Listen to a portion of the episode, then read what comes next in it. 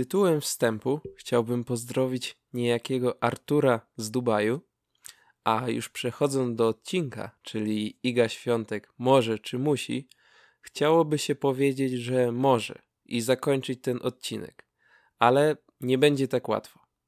Tak, właśnie dałem wam puentę odcinka tuż na jego starcie, ale spokojnie, nie ona jest tutaj najważniejsza.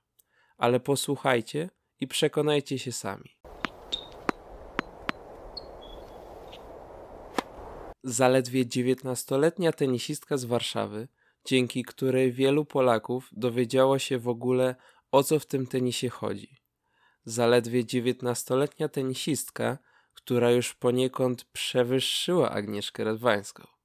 Zaledwie 19-letnia tenisistka, która przed meczami słucha ACDC. I zaledwie 19-letnia tenisistka, na którą przestańmy do cholery narzucać zbędną presję. Iga swoją przygodę z tenisem zaczęła przez swoją siostrę, Agatę, oraz tatę, który bardzo sobie marzył, aby jego córki zajęły się sportem indywidualnym, aby mogły mieć większą kontrolę nad swoim sukcesem.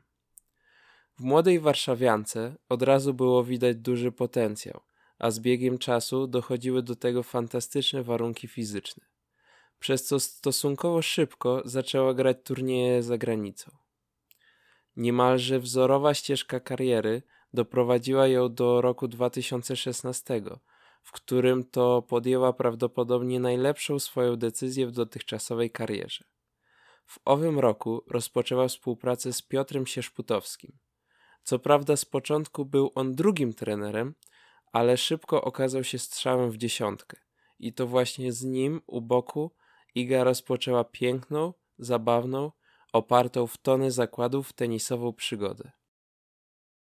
Również w tym roku Iga wygrała swój debiutancki zawodowy turniej ITF w Sztokholmie.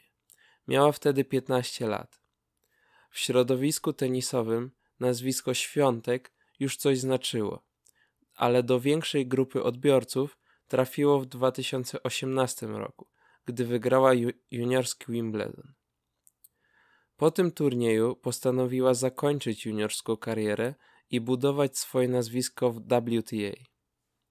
W 2019 przyszedł czas na drugą najważniejszą decyzję ze strony Igi. Mianowicie rozpoczęła współpracę z panią psycholog Darią Abramowicz. Od tamtej pory, niczym trójka muszkieterów, było widać, że są w stanie osiągnąć wielkie rzeczy. Tu już nawet nie chodzi o to, jak pan Piotr trenuje, a jak pani Daria rozmawia.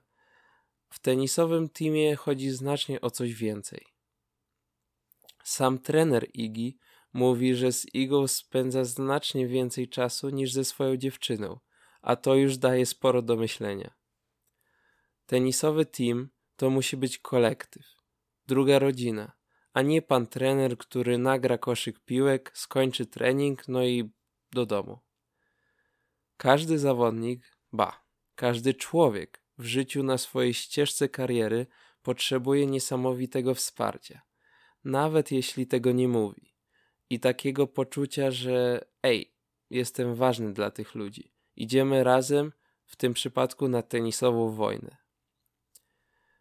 Abstrahując od triumfu na French Open, Myślę, że i tak sezon 2019 i 20 Iga mogła uznać za udany.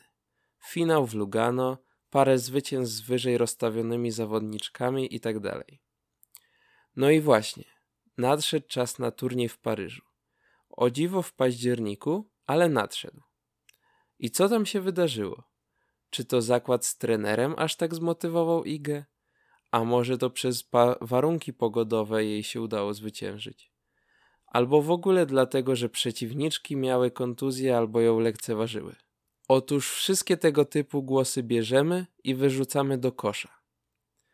Iga Świątek wygrała w Paryżu, bo zagrała fantastyczny tenis. Oczywiście składowe typu pogoda, kontuzje i takie tam z pewnością mogły to zadanie ułatwić, ale przypominam, że pogodę wszyscy mieli taką samą, a że Iga potrafiła to wykorzystać, to już jej zasługa. Polka była w tym turnieju niezwykle napędzona. pewna siebie, a zarazem super spokojna. Nawet, a może przede wszystkim po zwycięstwie nad Halep, umiała odciąć się od wszystkich pompujących baloników głosów. A z drugiej strony sama o tym mówiła, że zwycięstwo z Rumunką dało jej taką myśl, że okej, okay, umiem i faktycznie mogę rywalizować z tymi najlepszymi. Bardzo podoba mi się jej podejście. Widać u niej pasję, chęć do ciężkiej pracy oraz to, że gra w tenisa sprawia jej po prostu frajdę. A wbrew pozorom to jeden z kluczowych aspektów. Na mączce Iga znakomicie wykorzystała swoje atuty. Na tej nawierzchni jest więcej czasu, żeby zorganizować swoją grę, a co za tym idzie, łatwiej jest też generować dużą siłę uderzeń. Teraz w Australii będzie o to znacznie ciężej. Korty są szybsze, czas reakcji krótszy, a z drugiej strony z pewnością coraz więcej zawodniczek będzie analizowało jej grę, atuty i słabe strony. Ale przede wszystkim pamiętajmy, że ona ma dopiero 19 lat, mimo swojej wielkiej dojrzałości. I dopiero tak naprawdę uczy się tego największego tenisowego świata. Czy ma papiery, żeby wejść na sam szczyt? Oczywiście, że ma, ale wszystko trzeba robić stopniowo. Nie od razu Kraków zbudowano. Iga na łamach tenis klubu mówi: Wiem, że ludzie lubią być podzieleni. Sport to jedna z tych rzeczy, która naprawdę może ich połączyć, ponieważ nie chodzi o politykę i czyjąś opinię. To tylko sport i każdy może kibicować. Jakie to są trafne słowa, szczególnie w dzisiejszych czasach. Tak jak muzyka łączy ludzi, tak jak gry łączą, a nie dzielą, taki sport również może to zrobić i niech to robi. Niezależnie od dyscypliny, to nie lubię takiego gadania, że eh, jeszcze jedna runda i do domu. Co? Jakby po co? Już zostańmy przy Idze. Odpadnie w drugiej czy trzeciej rundzie Australian Open, to odpadnie. Możecie mi wierzyć, że z pewnością będzie bardziej niezadowolona od nas wszystkich. Ale to wtedy możemy okazać wsparcie, czy ewentualnie konstruktywnie pogadać o tym, co nie zagrało, a nie od początku w imię zasady, że zjechać jest najłatwiej, cisnąć i nie wierzyć. Kobiecy tenis potrzebuje nieco równości, parów zawodniczek, które będą w ciągłym topie, coś na zasadzie Sereny, Szarapowej, Azarenki. I moim zdaniem Iga jest w stanie taką równość w WTA nieco wprowadzić, jeszcze z paroma innymi zawodniczkami. Ale, i tu przede wszystkim, za parę lat. Teraz jest na to po prostu za wcześnie, więc taki apel, abyśmy nie wymagali od dziewiętnastolatki, że teraz każdego będzie ogrywała bez straty seta, a w ogóle na koniec 2021 roku to powinna mieć już pięć szlemów. Bo jak nie, to okaże się słaba. I koniec. Przypominam, że Agnieszka Radwańska nie miała żadnego wygranego szlema, a i tak ją uwielbialiśmy, prawda? Przed Igą jest trudny sezon. Z jednej strony wymagania fanów, z drugiej strony z pewnością też ona sobie sama narzuca jakieś wymagania, a z trzeciej strony, jeśli wszystko dobrze pójdzie, to w tym sezonie jest także olimpiada. Wszyscy liczą, że zobaczymy tam miks Kubot Świątek, który naprawdę mógłby być ciekawym połączeniem doświadczenia z młodością. A przecież, oczywiście w odpowiednich proporcjach, Iga chociażby serwisowo by nie odstawała. Pytanie tylko, czy Łukasz nauczyłby ją tańczyć kankana?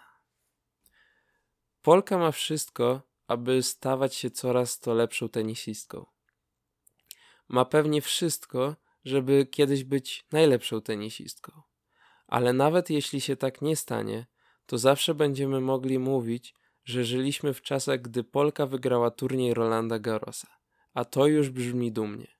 Głęboko wierzę, że współpraca z panem Piotrem Sierzputowskim będzie trwała jak najdłużej i przyniesie jeszcze wiele owoców.